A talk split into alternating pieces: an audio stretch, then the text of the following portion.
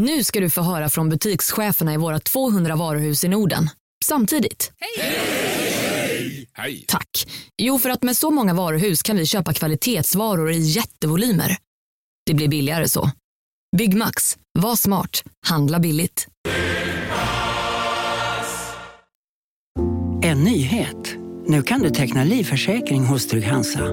Den ger dina nära ersättning som kan användas på det sätt som hjälper bäst. En försäkring för dig och till de som älskar dig. Läs mer och teckna på trygghansa.se. Trygg Hansa. Trygghet för livet. Finns det något bättre än riktigt gott färskmalet kaffe på morgonen? Det skulle väl vara en McToast med rökt skinka och smältost. Och nu får du båda för bara 30 kronor. Välkommen till McDonalds.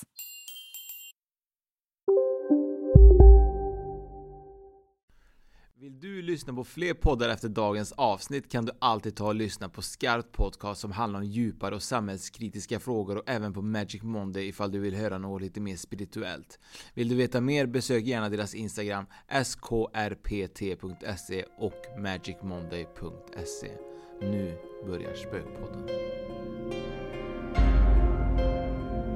Fredrik, eh, det är ju en ny vecka på grund av att eh, Ja det är ju en ny vecka på grund av att det är Tiden- så tiden går. Tiden går ja. Ja, men, Men- egentligen skulle det här varit eh, i förra mm, avsnittet skulle egentligen det här varit med. Ja. Det skulle ju det. Men eftersom vi har så himla mycket att prata om och så intressanta grejer och bra funderingar så vi drog inte ut på det. Tänker Absolut du på, inte. har du tänkt på att du lyfter verkligen upp eh, dig själv här nu? Ja. Fast mest dig, tänker jag. Men är det så viktigt att man gör det? Att man lyfter upp sig själv. Ja, är det, vi är dåliga på det allmänt människan? Jag tror att svenskarna är dåliga på det för allt ska vara så himla lagom. Eh, om man tänker på USA. Där är allt störst, alla är bäst, alla är vackrast. Man trycker på sina positiva egenskaper och lyfter fram dem.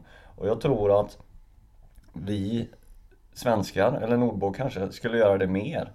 Sen behöver man inte bli för stor på det men varför inte prata om det som man är bra på eller det som man tycker är intressant egentligen. Det handlar ju om att ha rätt inställning till saker och ting och ju positiva inställningar du har desto större chans har du att bli duktig och lyckas med det som du faktiskt vill, tänker jag. Jag tänker lite grann också som du säger just det med, eh, just med USA. Där är det ju verkligen som du säger. Och sen eh, tycker jag att amerikanerna är väldigt duktiga på att alltså, typ, ge beröm till andra. Alltså Ja. min moster och min, eh, min moster och min morfar, min morfar har gått bort men de, de bor i USA. Mm. Och min moster kommer ibland på besök i Sverige och jag kan ju se hennes beteende är väldigt likt det man ofta ser i filmer där de blir superglada åt någon annan Ja, som lyckas med någonting. De ska fira så ska det Åh gud vad, vad bra! Åh, det är så här och jag bara men herregud du är gladare än mina föräldrar och du träffar mig en gång typ var tionde år liksom så här. Så att de är väldigt duktiga på att typ lyfta andra också. ja det är de. Jag hade, när jag gick i gymnasiet så hade vi en kille som var, jag tror han var ett halvår på skolan. Han gick inte i min klass då. Han var inte ett halvår Nej, nej, nej, nej, nej han, han var utbytesstudent på typ sex månader något sånt där. Han var från USA då. Och han var också sån. Han var ju, då upplevde man kanske honom som lite skrytsam och sådär men så här i efterhand så när man tänker, tänker tillbaka på det så han var svingrym på att spela gitarr. Det gick han runt och sa också att jag är bra på det här, vill du lyssna och sådär. Men samtidigt så var han också duktig på att lyfta upp andra men det, man tänkte inte så mycket på det då. Nu var man, det var skrytsam han var. ja men man gjorde det för att man var inte van vid det. Eh, Och det, det är en reflektion. Ja men det är verkligen så Ja. för att det är ju det. Det är ju så svårt. Jag, eh, lyssnade på, eller jag lyssnade inte, jag hörde någon som pratade om, det finns ju en retorikpodd ju. Som är ganska populär vad jag har förstått. Jag kommer inte riktigt ihåg vad den heter nu. Men, men där finns det, där det står typ så här, lär dig skryta snyggt. Ja, Och det finns ju säkert ett sätt som man kan skryta på. Men man inte ska låta skrytsam. Men man, man kan säga det på ett bra sätt. Hur bra man är. att man lyfter fram sig själv ja, Mm. och sina goda egenskaper. Men det är ju som nu på en anställningsintervju när de säger typ såhär, vad är dina bra egenskaper? Så har man typ såhär förberett sig innan. Typ såhär, ja men jag är duktig på det här och jag är bla bla bla så här. Och så kommer alltid den andra frågan, typ såhär, vad är du sämre på då?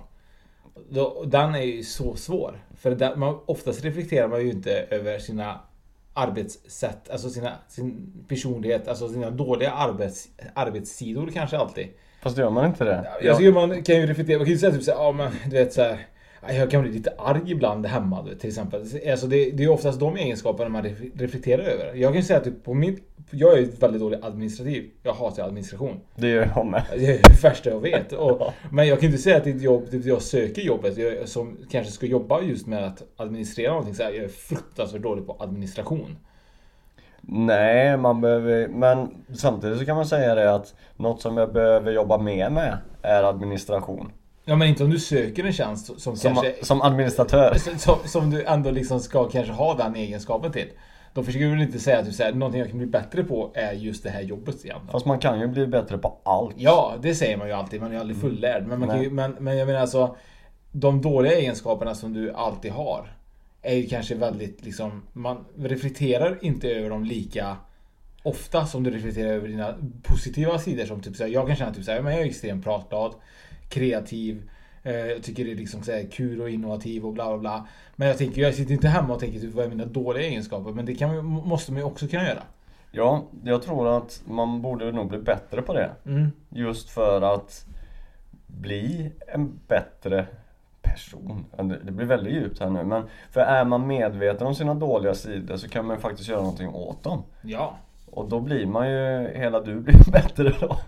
Men det är också någonting som man måste bli bättre på. Det är ju att kunna eller jag, jag, jag är ju bra på det, kan jag inte säga annat. Nej Fredrik. Men, nej, men konstruktiv kritik är ju fantastiskt bra. Ja, det är det bästa. Det är ju väldigt många som, som har svårt. När man kommer upp och blir vuxen så är det ju alltid mycket lättare. Mm. Men när du var yngre så kanske man inte var lika duktig på konstruktiv kritik som man är nu. Nej. Men, men, men det är ju någonting som jag tycker är, oftast nästan är bättre än att ge. Alltså jag tycker det är jättebra att få bra feedback och hela den biten. Men konstruktiv kritik gör att man växer.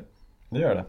För då får man ju också en anledning till att just kritiken som sådan. Eh, för då kan man ju faktiskt göra någonting åt den och förbättra den. För det är det värsta jag vet också att om man har gjort någonting eller att eh, vi, vi har fått någonting att äh, fy fan vad dåligt det här var. Jaha, Ja, det har ju du rätt att tycka. Men vad var det som var dåligt? Mm. Vad tycker du att vi behöver utveckla? Och just för att kunna göra någonting åt det. Och det är, det är jätteviktigt att kunna stå upp för den tanken att om jag tycker att du är dålig på någonting så får jag ju säga det och varför jag tycker det kanske. Men känner för, du någonstans... För, för annars är det ingen mening med bara, då blir man ju bara elak och trycker ner. Men tror du att det är väldigt, alltså tror du att det är svårt för oss alltså, som människa att, för vissa människor kan vara så här superöppna med att säga vad de tycker och tänker. Även om det kanske kan vara ibland lite sårande. Medan jag tror att oftast kanske typ en stor potential, alltså en stor liksom procent av potential, så jag, procent av folket är lite rädda och säga vad de tycker och tänker. Så att de håller det inom sig och så blir, skapar det här irritationen mellan människor. Jo, jag tror att Sen så tror jag det handlar också om är, Hur har man haft det när man var yngre och när man var barn? Har man bara fått höra hela tiden hur bra man är och hur, hur duktig man är och gör si och så utan att få den här konstruktiva eh, kritiken och bara Nej men du, det där var inget bra gjort, gör så här istället. Alltså hur mycket sånt har man fått? Och det tror jag också speglar hur man tar till sig kritiken i vuxen ålder. Sen klart erfarenheter och allt sånt eh, också spelar roll såklart. Och så, men... men hur duktig är du på att ta emot konstruktiv kritik? Det beror på var den kommer ifrån. Det, men det, då är det ju, då är det ju men, för, för där, där är ju, det är ju känslan där. Om det är någon som betyder väldigt mycket för mig så är det ju jobbigare att ta emot kritiken. Tycker du det? Jag tycker det, ja. Jag tycker nästan att det är nästan jobbigare att ta emot konstruktiv kritik av någon som inte känner det, för då får ju inte den hela bilden. Nej, men å andra sidan så finns det, där är ju ingen, alltså förstå mig rätt nu, men där är ju ingen känsla kopplad till det. Nej, men jag kan nog säga så här, om det, sen vill jag med tanken nu att som min sambo i början då, var ju väldigt bra på att ge mig konstruktiv kritik på podden. Mm. Jag har ju tendens, och det har jag fortfarande än idag, att prata väldigt fort. Och hon lyssnar ju på podden och det är helt alltså, mirakulöst att hon lyssnar för det är lite svårt att lyssna på folk som är nära och kära och hon tycker verkligen att podden är kul och hon tycker det är intressant och tycker det är liksom utvecklande och så. Men hon kan ju vara såhär typ så ah fan det är Oskar du jävlar vad du pratar ibland snabbt. Man hör ju knappt vad du säger. Och jag tycker att det är jätteskönt när hon säger det. Till exempel den här kritiken i det här. Men om någon annan säger det, då börjar jag tänka typ så här. Hur många mer än den personen jag inte känner tycker likadant? Ja. Och då blir det, då får jag börja tänka typ såhär shit för fan, tänk om det sitter typ såhär 10 000 människor som tycker att likadant att de hör knappt vad jag säger. Ja, blir han aldrig bättre? Nej, men är du med? Och då är det så svårt för det blir så, bilden blir så mycket större. Ja. Medan en nära och kära kan du alltid typ så här ha en närmare dialog med. Och, och, och, och, och är du med? Även om hon säger det kan vara 10 000 andra som tycker likadant. Men eftersom inte den personen säger det så behöver du inte försvara dig för någon. Här kan du försvara dig mot den personen du känner. Ja. Det blir lite lättare tycker jag. Ja, jag förstår hur du tänker. Sen känner, känner och upplever inte jag det är riktigt likadant. Nej. Det är märkligt det där. Nej men det kanske är på grund av att eh, du kanske, jag vet inte. Det är nog lite olika beroende på hur man, vad man är för kritik kanske också. Ja, det är klart. Det kan ju vara det. det visst är det så. Sen eh, en del kritik eh, blir man ju bara glad för att få som du säger. Speciellt från, från den nära och kära. Att det, att, att det kommer fram och upp så att man kan göra någonting åt det.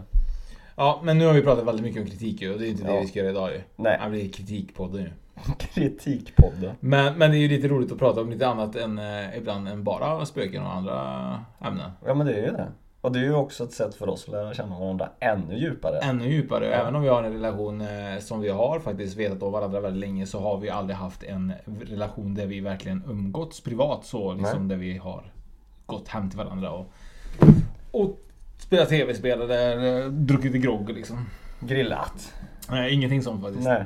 Så att eh, det här är ju lite faktiskt en vänskaplig arbetsrelation än så länge. Verkligen. Ja, och det kommer... Den blir bara djupare och djupare. Ja, men, men det är ju så. Man lär känna varandra och eh, man får väl reda på, på lite nya saker om personen under poddens eh, gång. Det får man verkligen. Mm. Och, nu, och nu ska vi snart lära känna en annan varelse här. ja, vi pratade om vampyrer i förra avsnittet ju. Det gjorde vi. Och det var ju superspännande. Vi fick ju reda på lite nya saker hur man dödar en vampyr som eh, jag inte visste om. Och lite annat som jag inte visste också, så det var ju väldigt kul. Ja, så in och lyssna på förra veckans avsnitt om vampyrer.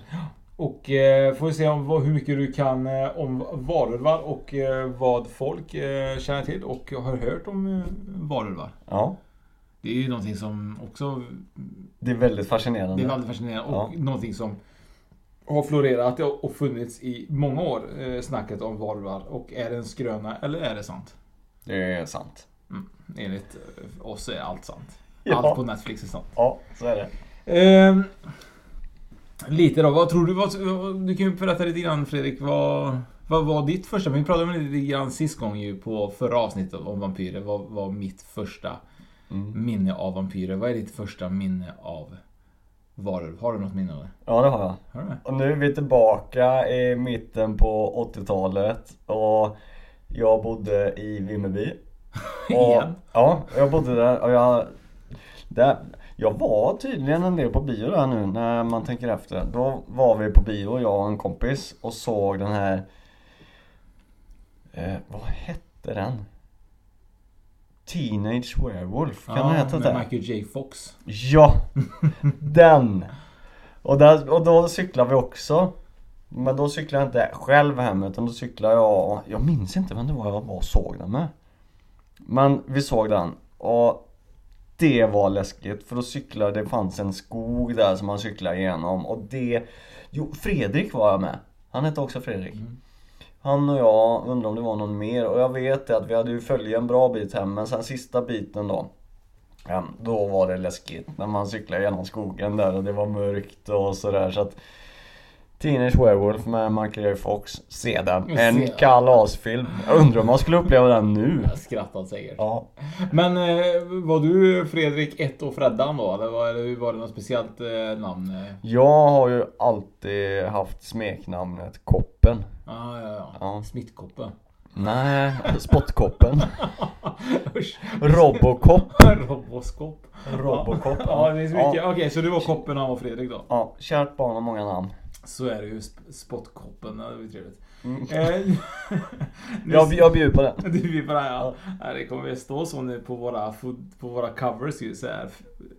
Smittkoppen. os, Oskar Smittkoppen, spottkoppen.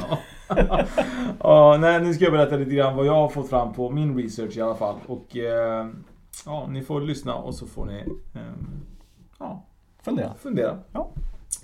I våra dagar är den kusliga varulvsfiguren mest känd ifrån filmer, serietidningar, dataspel och romaner. Oftast berättar de om hur en man eller kvinna smittas av ett bett från en varulv och att personen under fullmånens ljus genomgår en förvandling till en blodtörstig vargmänniska. Det enda sättet att bekämpa varulven är med hjälp av silvervapen. Men denna typ av varulv har inte mycket gemensamt med de varor som beskrivs i våra folkminnesarkiv faktiskt. Så det blir lite spännande. Det finns alltså folkminnesarkiv. Jajamän, det ska vi prata om lite grann också. Bara en sån sak. Mm. Eh, det som är oftast är då att personen av olika anled- anledningar kan förvandla sig till ett rovdjur. Alltså det är väldigt gammalt och förekommer i många länder. Som samma sak som med vampyren i förra avsnitt. Runt om i världen. Eh, man har exempelvis, och detta var ju en grej som jag hade väldigt svårt att uttala det. Men det heter ju det Gil... Vad var det vi sa? Gilgamesh hippos. Vad var det nu Fredrik? vad var det du uttalade? Gilgames hipposet. Vad var det fan vad det heter? Jag uttalade Gilgames Heposet. Ja, och eh, för er som inte vet vad det är då. Det är en gammal skrift då som är en av faktiskt världens äldsta litterära verk. Mm. Och den här Eposet då, det är ju ett, verk, ett skriftverk då. Eh, som ursprungligen skrevs eh, på ledtavlor med kilskrift. Och, och är en eh, berättelse om en kung eh, som heter Gilla, Gillamesh. Som var den tredje kungen i Uruk. 2800 år före Kristus. Och Uruk som var en stad då i, i Sumer som det heter då och det kallades senare blev det Babylon. Eh, Babylonien kanske det heter. Eh, vid floden Efrat i dagens Irak. Och man tror att den är skriven cirka 1008 år före Kristus den här skriftelsen då. Mm. Eh, och eh, där omtalas det personer som förvandlas till vilda djur från antikens Grekland. Berätt, eller även från antikens Grekland berättar de om guden Zeus som straffar en grupp människor vid berget Likaon heter det. Genom att förvandla dem till vargar. Den isländska sagan beskriver flera människor som av olika anledningar kan förvandla sig till en varg eller björn. Det är lite kul ändå att så gammal skrift har eh, omtalar om eh, folk och personer som förvandlas då till vilda djur. Ja. Men var, var det Zeus alltså? Nej Som- nej alltså Zeus var, det var även i antika Grekland så Ja. pratar man om det då. Mm. Eh, och eh, även i isländska sagorna då. Men eh, just den här eh, kungen då som eh, i dagens, i, så var det Iran va? Irak. Irak var det. Eh, har till och med beskrivit det i de här 1800 år, 1800 år före Kristus. Ja, det är häftigt. Men är man varulv? Nej, det blir man inte. Blir man varbjörn då? Jaha, du ska få höra detta. Eh, det är så här, varg, björn och hund kan man säga då. Ja. Eh, ordet varulv betyder ordagrant manulv, där ulv är ett äldre ord för varg. I våra folkminnessamlingar är det inte bara förvandlingar till varg som beskrivs, vilket vi också kan se i de olika namnen som användes för detta väsen. Eh, så att varulv är ett övergripande ord för, förva- för förvandling till djur. Okej. Mm. Eh, föreställningen om att människor skulle förvandlas till vargar var vanligast i mellersta, Sver- mellersta Sverige. Särskilt i de västra delarna. Medan man i norra Sverige kunde genomgå förvandling till björn och i den södra delen av landet till hund. Ja. Mm. Har det med att göra att det finns mer björnar norröver och vargar i Mellansverige och i Skåne så finns det bara hundar? bara hundar. Tur att det inte var bara katter då, det tråkigt. Ja. Eh, så förenklat kan man säga att djur som människor tänkte skulle förvandlas till styrdes av vilka rovdjur så som du berättade normalt förekom i det området. I enstaka fall eh, talas om förvandling till andra djur som grävling, gris och huggorm eller till odjur utan direkt anknytning till särskilt djur.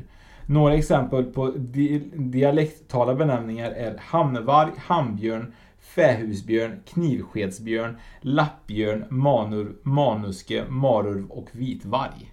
Mm. Hade du velat vara en eh, liten lappbjörn? Eller en vitvarg.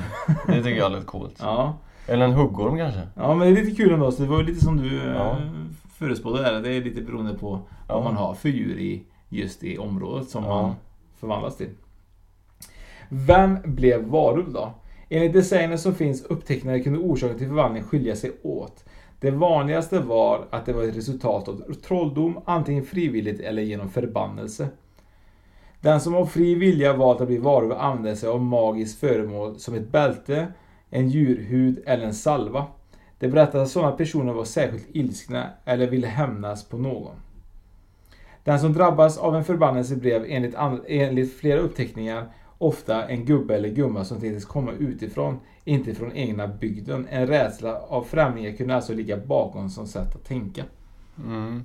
Men Ja, nu ska jag kanske inte gå händelserna förväg här men Men eh, då när vi snackar om varulvar Så fanns det ju många olika sätt att bli det och en varulv kunde ju eh, Kan ju smitta eller göra en annan var, eller varulv, en eh,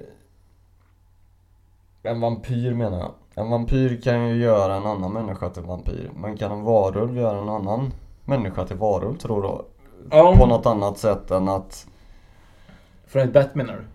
Ja, till exempel Ja, för grejen typ, det står ju typ att oftast berättas om, om hur en man eller kvinna smittas av ett bett från en varulv och att personen under fullmånens ljus genomgår en förvandling till blodtörstig varje nej. människa. Ja, nu Ja, såklart Så, så grejen är typ att eh, det är vanligtvis är det ju då ett bett ifrån en varulv eller från en sånt där mm.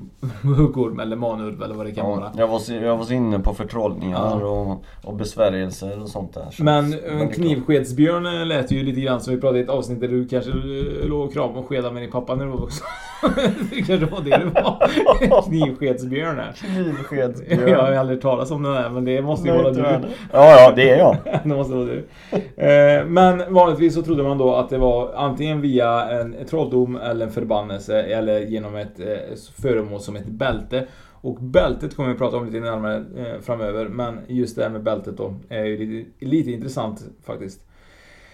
Men eh, då var ju folk lite rädda att eh, folk utifrån då bygden eh, kunde vara varulvar. Det var ju inte själva personen i bygden som var, var en varulv tydligen.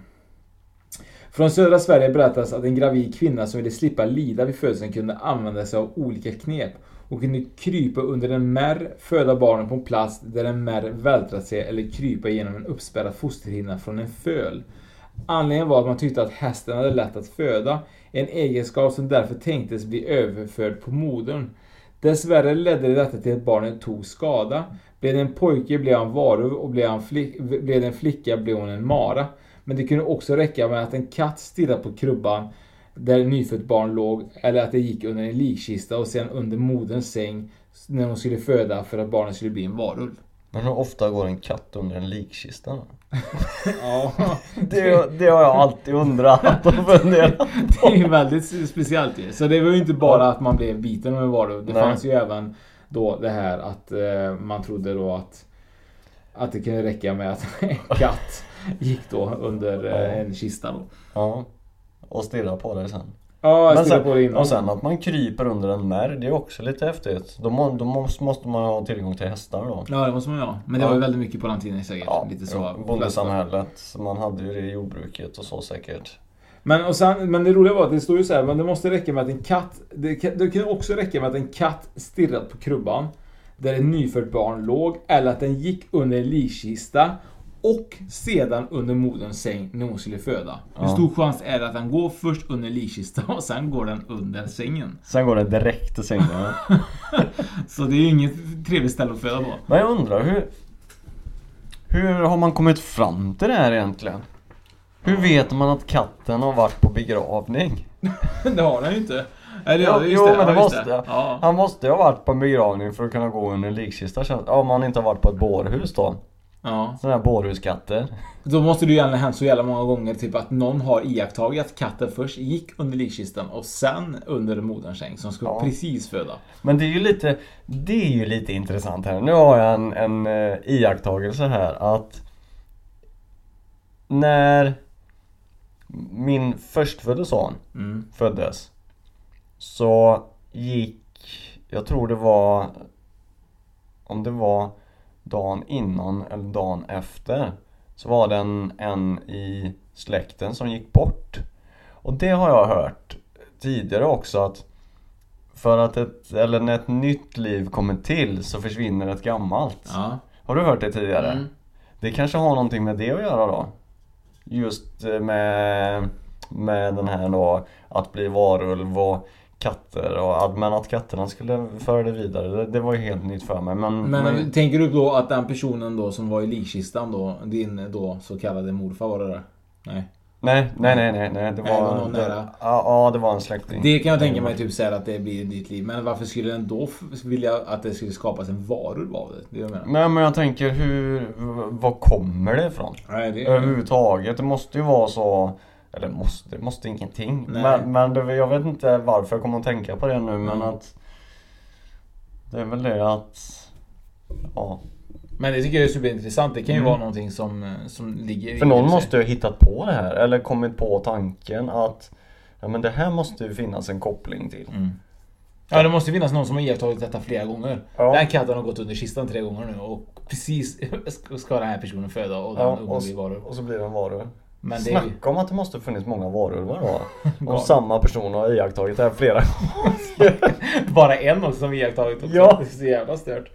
Eh, Men man visar ju också då att eh, det är någonting som det, det sprang på tre ben och det finns väldigt mycket uppteckningar på det och det ska jag berätta om vad det är. För att den beskrivs varulven på olika sätt. Ofta som ett stort lurvigt djur med eldröda ögon som springer på tre ben. Och jag undrar vad det tre, vad, alltså, vad är det tredje benet? Det är ju så intressant där. Vad är det tredje benet? Ja, det är intressant Att ha tre ben kan förklaras på följande sätt. När en människa förvandlas, till, till, förvandlas blir ena armen ett, ett ben. Den andra armen en svans. ah. Mm. Medan huvudet spetsar till formen av ett varghuvud. Det berättas också att varulvens ydande var hemskare och mer ihåligt än hundar och vargar. I folktron uppstår ofta förklaringar till det som avviker från det normala. Det betyder i förhållande till varulven är den på något vis ser annorlunda ut, kan urskiljas från andra djur.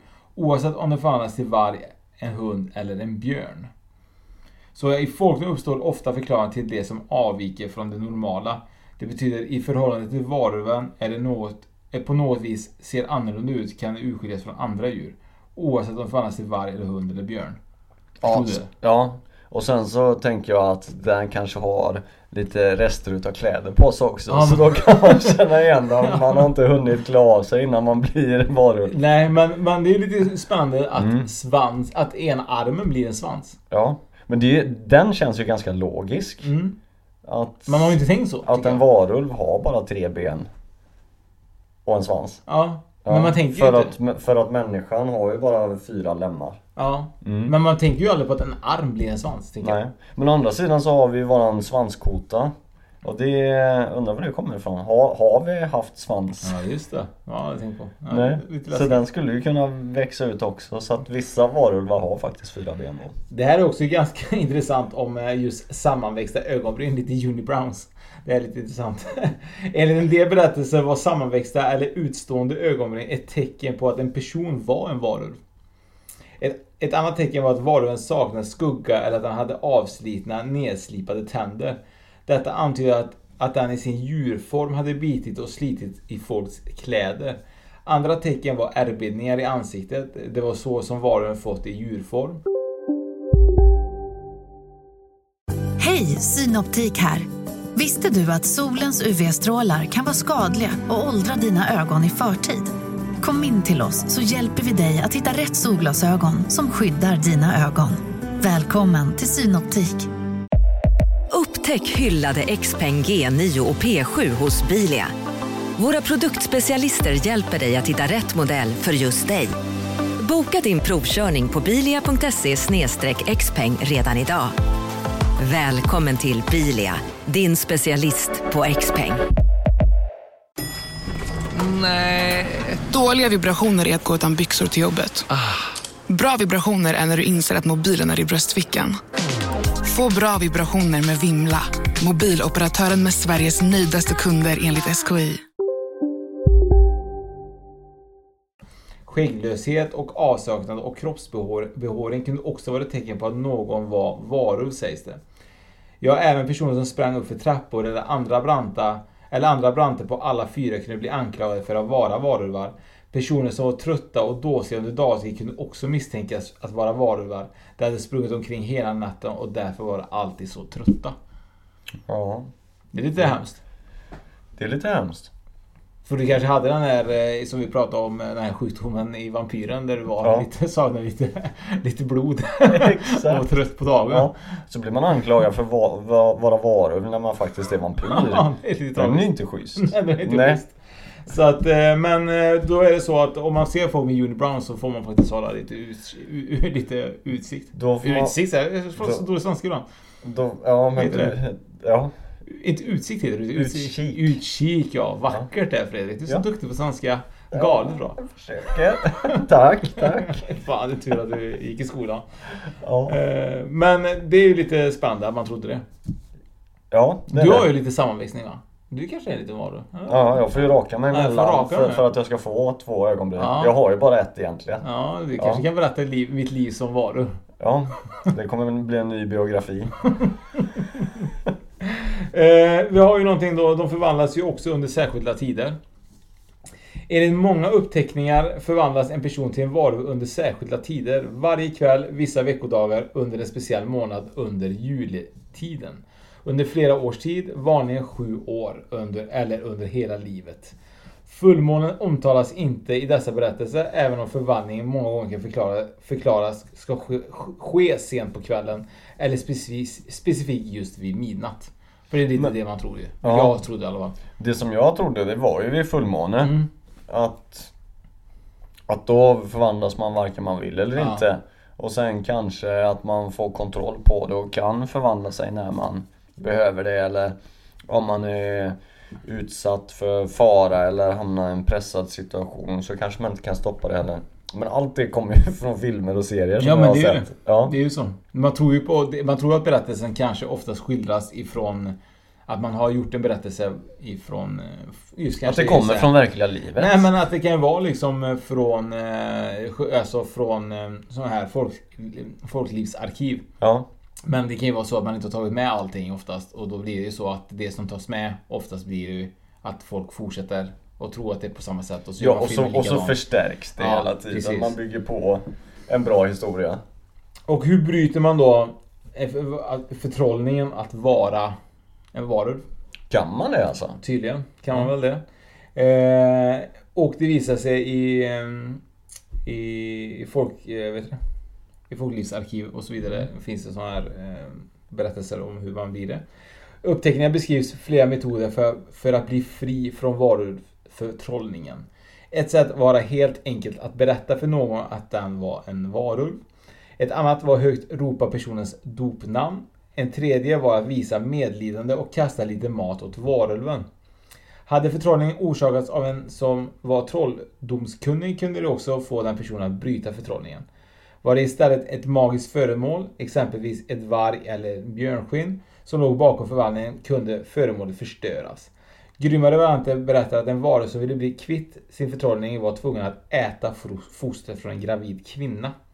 I en del berättelser är orsaken till att havande kvinnor helst inte lämnar hemmet utan att en karl, karl följde med dem som skydd. Blev hon ändå överfallen kunde hon rädda sig genom att kasta klädesplagg åt varulven. Då måste den riva sönder kläderna medan hon kunde fly. Måste riva sönder kläderna Ja, när jätte- jag skulle fly. det är ju jätteskumt det här. Ja, den är ju... Det är någon sån där eh, drift som, som kommer in att se man, får man ett klädesplagg måste man riva sönder det innan man kan fortsätta med något. Snacka om tics. ska, ska jag inte eller? Den bara dyker på kläderna bara.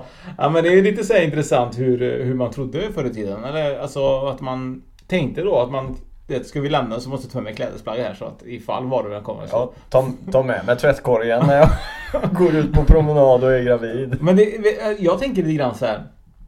Var det verkligen så? Trodde folk? Levde de så här och de trodde allt på det här och de gjorde så? Alltså, var, tror du att folk på något sätt var så mycket dumma? Alltså, jag kan inte säga dumma för det låter dumt för det kanske var så. Men, men Om någon hade sagt till mig så här idag, det är så här, var du kan komma, det är kanske bäst att du tar med dig liksom din Wonderbaum runt halsen. Så, så ja. kanske jag tänkte så här, men det kommer inte komma varulv. Att, är med? Jag har ju inte sett någon någonsin sedan de här senaste typ 40 åren. Varför ska den komma just nu? Ja, det kan man ju undra. Men det finns ju... Jag tror ju att det är så här då. det får du berätta du tror. Eh, Det är en förtrollning. Ja. Ja, och vi hade ju på eh, medeltiden, jag på att säga, men då med när man brände och kastade häxor och trollkarlar i sjön. Så finns det ju så lite häxor och trollkarlar idag som faktiskt kastar förbannelser. Så att det finns alldeles för lite varulvar idag så att de är nog kanske utrotningshotade. Mm, jag gillar den här teorin. Det är därför vi inte upplever det så mycket längre. Mm. Och det kanske har någonting med nu skenar jag iväg här men eh, han Yeti eller Snömannen Ja. Han kanske är en varulv. Ja, man vet. Nej. Men i det du säger, det kan ju vara så att eh, förr trodde man ju väldigt mycket på häxor och trollkarlar. Mm. Och eh, man visste ju inte bättre kanske. Och eh, då blir det ju så att de var ju rädda för dem för de trodde att de höll på bara med eh, mörk magi. Ja. Och då blev det ju självklart att man kanske då trodde att eh, bynhäxan skulle eh, kunna ha förvandlat eh, grannpojken till en varulv. Ja. Mycket, mycket fint eh, Fredrik, mycket fint. Silverkulor är ju känt för, eh, för att ta död på varulvar bland annat. Och eh, det finns ju lite olika sätt att döda en varulv. En sista utväg var att skjuta varulven och kunde göras med ett föremål av silver, gärna en vigselring. Eller genom att stoppa något heligt som välsignats av kyrkan i laddningen, till exempel oblat eller sidor ur en psalmbok. Det är lite grymt om man ska skjuta och med sidor ur en psalmbok. Det var ju spännande då. Ja, blev träffad av en papper, papperskula. Papperskula. Detta, eh, det berättas att den som förtrollat en person till att bli en varulv också skyddar varulven från alla vapen genom att räkna, räkna upp vad den inte kunde skadas av. Men, att nå, men det kan ha varit något som hade glömts bort. Ett sådant ibland helt avdagligt föremål kunde därför döda varulven. varulven. Enligt flera uppteckningar kan i alla fall var- varulven skadas av vanliga vapen. Så den som gjorde trolldomen då kunde då räkna upp vad den inte kunde skadas av. Så satt han då typ så här tekopp, gaffel, kniv, krycka, tavla, ljus, kaffekanna. Ja, det finns ju ganska många föremål. Ja. Så det, det handlar nog om hur lång tid den här eh, personen hade för att göra förtrollningar ja. Hur väl ska vi skydda den här varulven eller ska, ska han få klara sig själv? Mm. Det är lite spännande va? Ja. Eh, och jag kommer ta upp en historia om en man som heter Peter Stump som jag kommer att prata om. Men Mm. innan jag gör det så är det så att det finns lite arkiv, arkivuppteckningar som, eh, som är skrivna. Eh, här i Sverige. Som folk eh, har skrivit om just varulvar eller något likvärdigt då som, som finns eh, nedskrivet då. Intressant. Superintressant. Ja, annars, kan, det- annars är det ju svårt att det är ett arkiv om det inte är nedskrivet. Det är jättevackert. Eh, och det är så att eh, det fanns eh, sådana som, gör, eh, som, som kunde göra manulvar av folk. Det var trollgubbar då som kunde göra det då. Eh, det var en man som brukar bli manulv, innan han skulle springa sin väg. När han kände att det kom över honom sa han Säg bara mitt namn. Se om det sa hans namn skulle det ge sig. När han kom tillbaka var han alldeles fördärvad. Jag har inte hört talas om att jag har jag, jag har hört talas om att det röt på folk. Jag vet inte riktigt vad det där var men, men eh, det lät knappt. Manulv. Mm.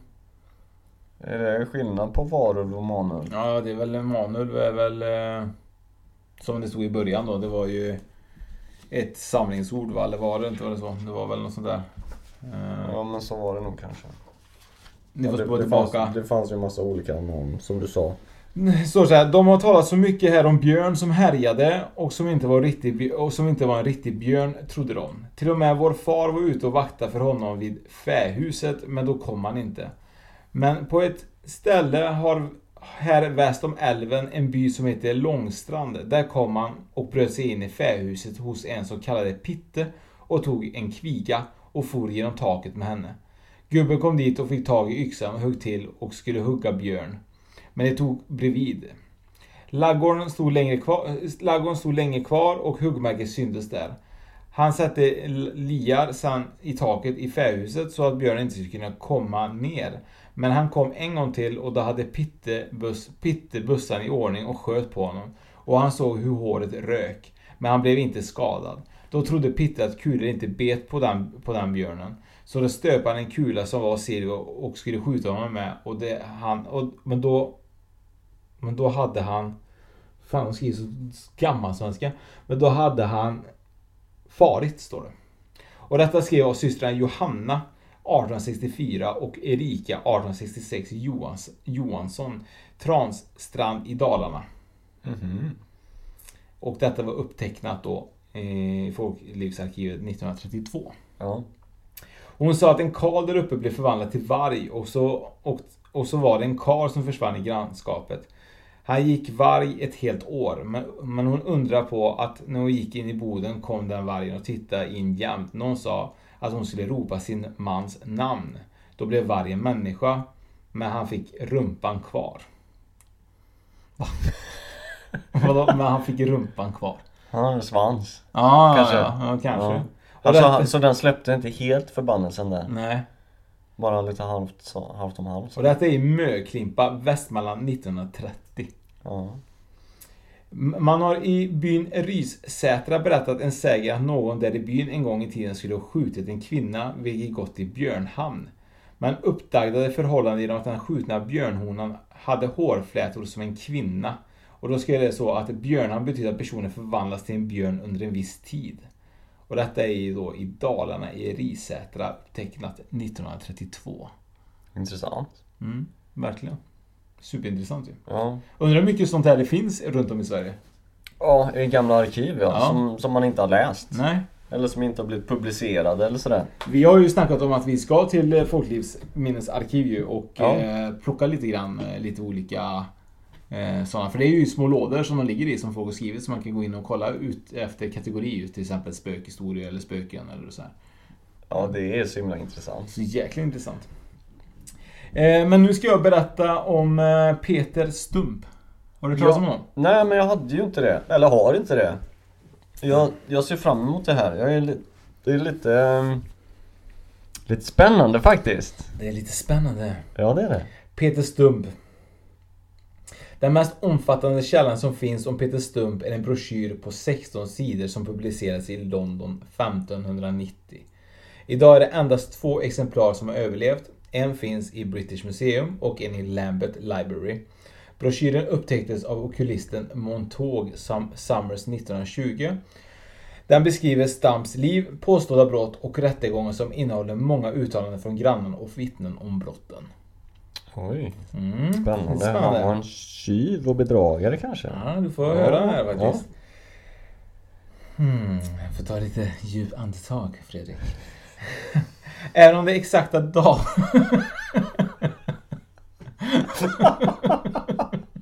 Gör det. Ta ett djupt andetag och samla dig och så prata långsamt och artikulera ordentligt. Det är fan vackert. Även om den exakta datumet om platsen för Peter Stums födelse är okänd. Men man har utifrån arbete och källor visat att han bodde nära Bedburg i Tyskland omkring 1530. Peter Stump kan ha haft ett annat namn som Abel Griswold eller Abel Griswold eller Ubel Griswold. Namnet Stump eller Stampf kan han ha fått, av, eh, kan han ha fått som en hänvisning till faktum att hans vänsterhand hade skurits av och endast lämnat en stubbe på tyska, Stump. Så mm. han hade ju då ingen hand då. På vänster? På vänster, ja. Kanske var den som var hans svans, man vet. Ja. Det påstås att som varulv hade han skurit av sin vänstra framben, så var det. Då bevisar samma skada som mannen hade. Stump föddes i byn Eprat, Ebrad, kanske heter på tyska, nära landsbygden Bedburg i välkå, välkåren Köln. Köln, heter det så? Köln. Köln, ja det är bra du kan tyska. Hans fantastiska, faktiska födelsedatum är inte känt eftersom den lokala kyrkböcken förstördes under 30-årskriget 1618 till 1648. Det man vet att han, man tror i alla fall, att han var en rik bonde i sitt landsbygdssamhälle under 1500-talet, 1580-talet. Eh, och han var, var enkling med två barn. En flicka som heter Bell, Sibyl då, som även man tror att hon hette. Som var, verkar varit äldre än 15 år gammal och en son i okänd ålder. Bell där, är det skönheten och odjuret? Ja, det är kanske därifrån det kommer. Ja. ja jag vet inte. Under 1589 hade Stump en av, stor, en, en av historiens mest berömda varulvprov. Efter att han har sträckts på en tortyrbänk och innan ytterligare tortyr började han erkänna att han utövat svart magi sedan han var 12 år gammal.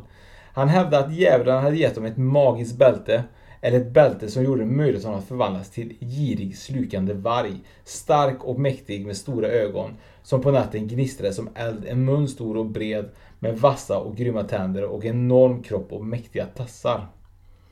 Mm. Det där bältet är ju lite intressant tycker jag. Ja men det är det. Det magiska föremålet. Ja. Tror du att det finns sådana? Magiska saker? Magiska föremål som kan förvandla dig till något? Ja. ja, jag vet inte. Nej. Men eh, ja, kanske. Är, ja, kanske. vet. Kanske finns sånt. Jag, jag skulle vilja ha ett sånt bälte. Ja, det är ju superspännande. Man kan, ja, jag vet inte vad jag hade velat ha för du kommer ju få höra vad, vad som har hänt. Ja men ett, ma ett magiskt bälte. Ja. Det behöver ju kanske inte förvandla mig till varulv eller något sånt där men typ eh, pojken med guldbyxorna eller sånt ja, där. Ja, då kanske du ska ha byxor istället för bälte då. Så ja. håller uppe byxorna i sig. Ja precis, men då kan jag flytta över bältet till alla mina byxor. ja, det är lite intressant. Ja. Men han blev i alla fall, av det här bältet så blev han en girig slukande varg med stark och mäktiga Eh, och mäktig med stora ögon och som på natten gnistrade som eld. Eh, han tog bort bält, när han tog bort bältet då fick honom, fick honom att förvandlas tillbaka till sin mänskliga form. Och det var lite kul att han kunde ta bort det bältet även när han var en varulv. Eh, och det här bältet då har inte hittats någonsin efter hans arrestering. Så det är ingen som vet vad det här bältet är eller har tagit vägen. Under 25 år hade Stump enligt uppgift varit en omättlig blodsugare som åt köttet av jätte, lamm och får. Även män, kvinnor och barn. Han hotades med tortyr och erkände att han hade dödat och ätit 14 barn, två gravida kvinnor vars foster han rippade från livmodern och åt deras hjärtan, som han senare beskrev som läckra, goda bitar. Ett av de 14 barnen var hans egen son, vars hjärna hade rapporterats ha ätits av. Inte bara, anklagade, ank, inte bara anklagades Stum för att ha varit seriemördare och kannimal utan också haft ett incestförhållande med sin dotter. Han verkar inte så himla sympatisk den här Stump. Nej, han är ganska rå alltså. Ja. Han är riktigt, det är riktigt hemskt där. Dottern dömdes till att dö med honom och han har även kopplats till att en avlägsen släkting som också ansåg vara incest, haft ett incestförhållande med enligt lagen. Utöver detta erkänner han även haft samlag med en, sukubu, en sukubus som, skickade honom, som skickades till honom av djävulen. Och för er som inte vet vad en sukubus är, det stavas S-U C-C-U-B-U-S som kubus, sukubus som kubus då. Sukubus är en demon eller ett övernaturligt väsen i kvinnlig eller manlig form enligt folktro. Dessa för, för männen i deras drömmar för att ha en sexuell umgänge. Det sägs om man har mycket sexuell aktivitet med en sukubus kan, kan få en sämre fysisk och psykisk hälsa som även kan leda till döden. Men den manliga då versionen heter inte sukubus, den heter ju då inkubus istället. Mm -hmm. eh, har du någonsin hört talas om det? Ja, alltså jag vet Nej. inte. Jag, alltså det är roligt att de här kommer då i dina drömmar. Ja. sukubusen och förför att, dig och har liksom sex. Så om man har mycket sexdrömmar så, så kan man dö? Ja, även om det låter eh, tragiskt och, men, men det är ju lite intressant det här att man... Eh, det är jätteintressant. Hade det har jag aldrig hört talas om det här. Nej. Det fanns nu, väldigt mycket om det. Nu vågar man inte drömma längre då. Jag vet inte fan, nu vill jag ju gå och lägga mig och sova. men, men... Åkalla med sukubus. sukubus. lite busigt. Ja, det är busigt. lite busigt. Men, men det här är ju någonting, så det fanns väldigt mycket om just det. Men jag förstod också att eh, idag så kallar man sukubus för eh, eh, det är typ en slags troll... Eh, nu tror man att det är trollformer som gör att folk får de här drömmarna. Att det är någon som gör det på dig liksom. Om man, typ som en förbannelse? Förbannelse. Ja, mm. Okay. Men då avrättas ju då efter det här, eh, hans erkännande, erkännande då, så avrättades Stump den 31 oktober 1589 tillsammans med sin dotter då, Bell Sybil då. Men det var ju lite, vad fasen, han har ju säkert tvingat sig på sin dotter. Mm, det har han garanterat gjort. Ja, men, och så avrättas hon också. Mm. Är det kompis? och älskarinnan. Ja. Eh, hans älskarinna som också var i, i, i något sånt här avlägsen incestförhållande då, eller så här, Mm. i, förhållandet med, med någon i släkten. Eh, hon heter Catherine, eller Katerin vad hon kan ha hetat. Eh, en av de mest brutala, eh, alltså är, eh, han sätt att avrätta var en av de mest brutala någonsin. Han sattes på ett hjul där köttet rev- revs ur hans kropp på tio ställen med en glödande tång. Följt av hans armar och ben. Hans armar och ben bröts av med en trubbig sida av yxhuvudet för att hindra honom från att återvända från graven innan han halshöggs och hans kropp brändes på bål. Hans dotter och älskarinna flåddes och strövs innan de brann tillsammans med Stums kropp. Som en varning mot liknande beteende uppförde lokala myndigheter en stolpe med tortyrhjulet och en vargs figur på den och högst upp placerade Peter Stums avskurna huvud. Fan vad brutalt! Sjukt brutalt ja! Ja, Helt sjukt! det medeltiden liksom. De var så jäkla grymma. Ja, och Eller, folk stod ju och hejade på också. ja, det kanske är, samhället är väl, finns ju mycket grymheter idag med men det som man hör från medeltiden och hur de torterades och bara slets sönder i stycken. Alltså det är... Ja, jag vet inte vad jag ska säga. Men visst är det en sjuk historia? Ja, Men tror du, det här är ju då skriven och finns två exemplar kvar av den här eh, så kallade typ broschyren ja. på två ställen.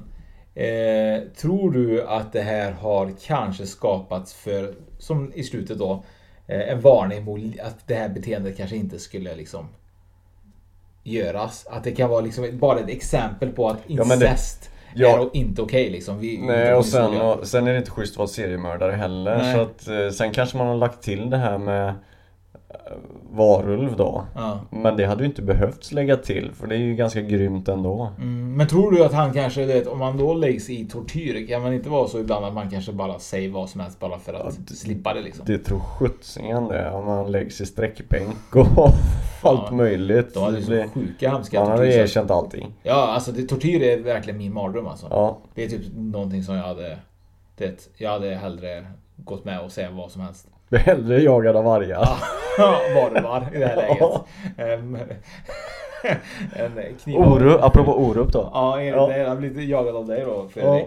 Eller en sån där så kallad, vad det? Knivskedsbjörn. Ja, de är mysiga. De är supermysiga. De skedar.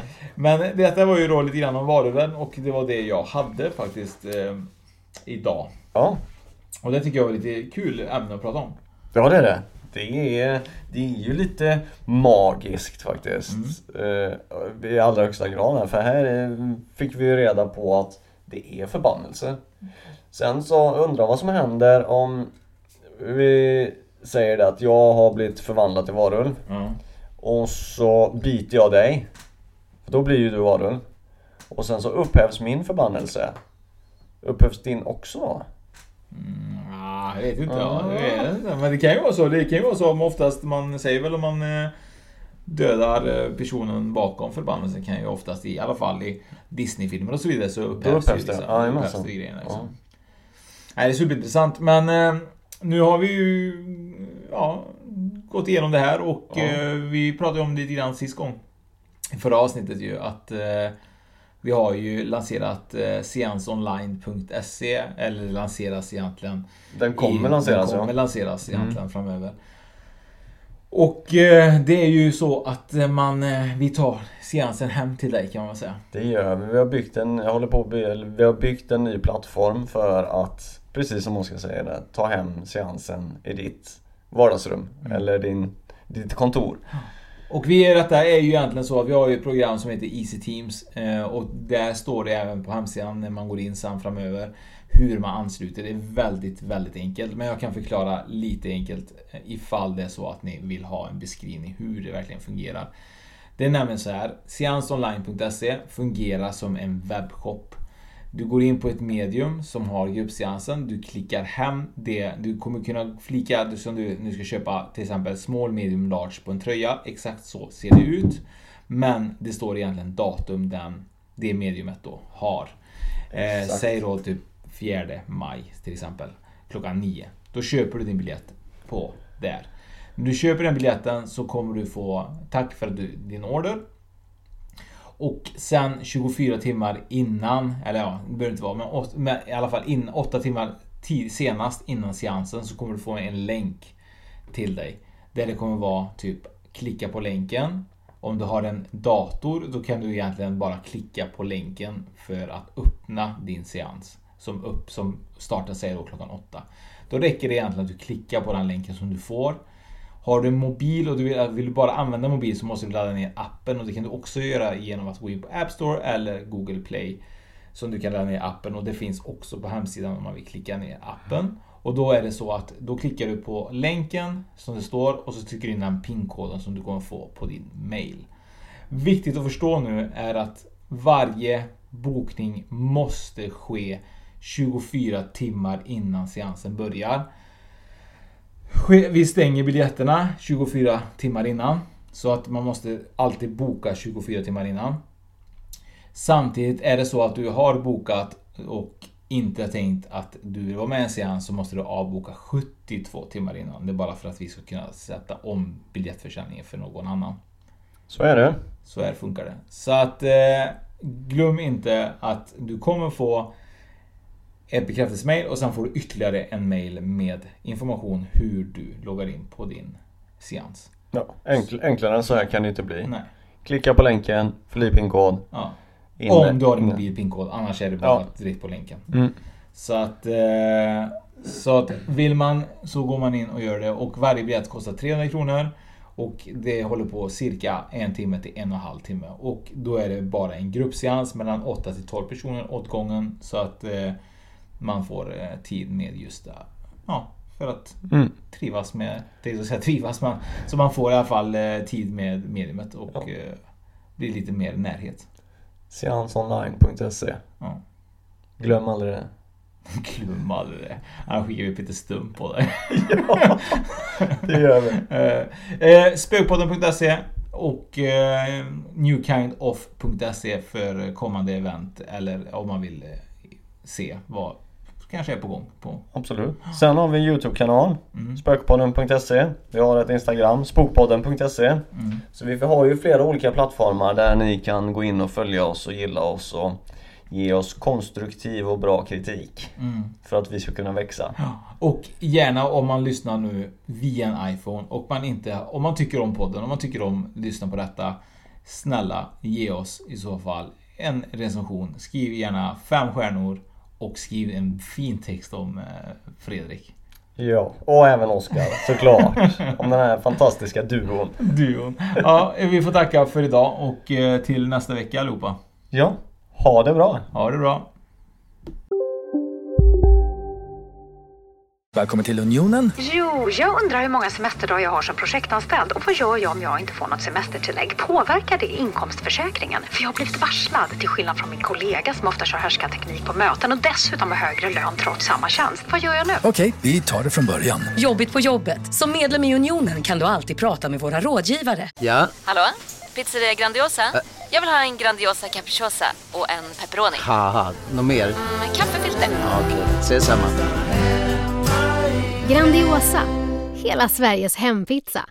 Den med mycket på. Just nu till alla hemmafixare som gillar julast låga priser.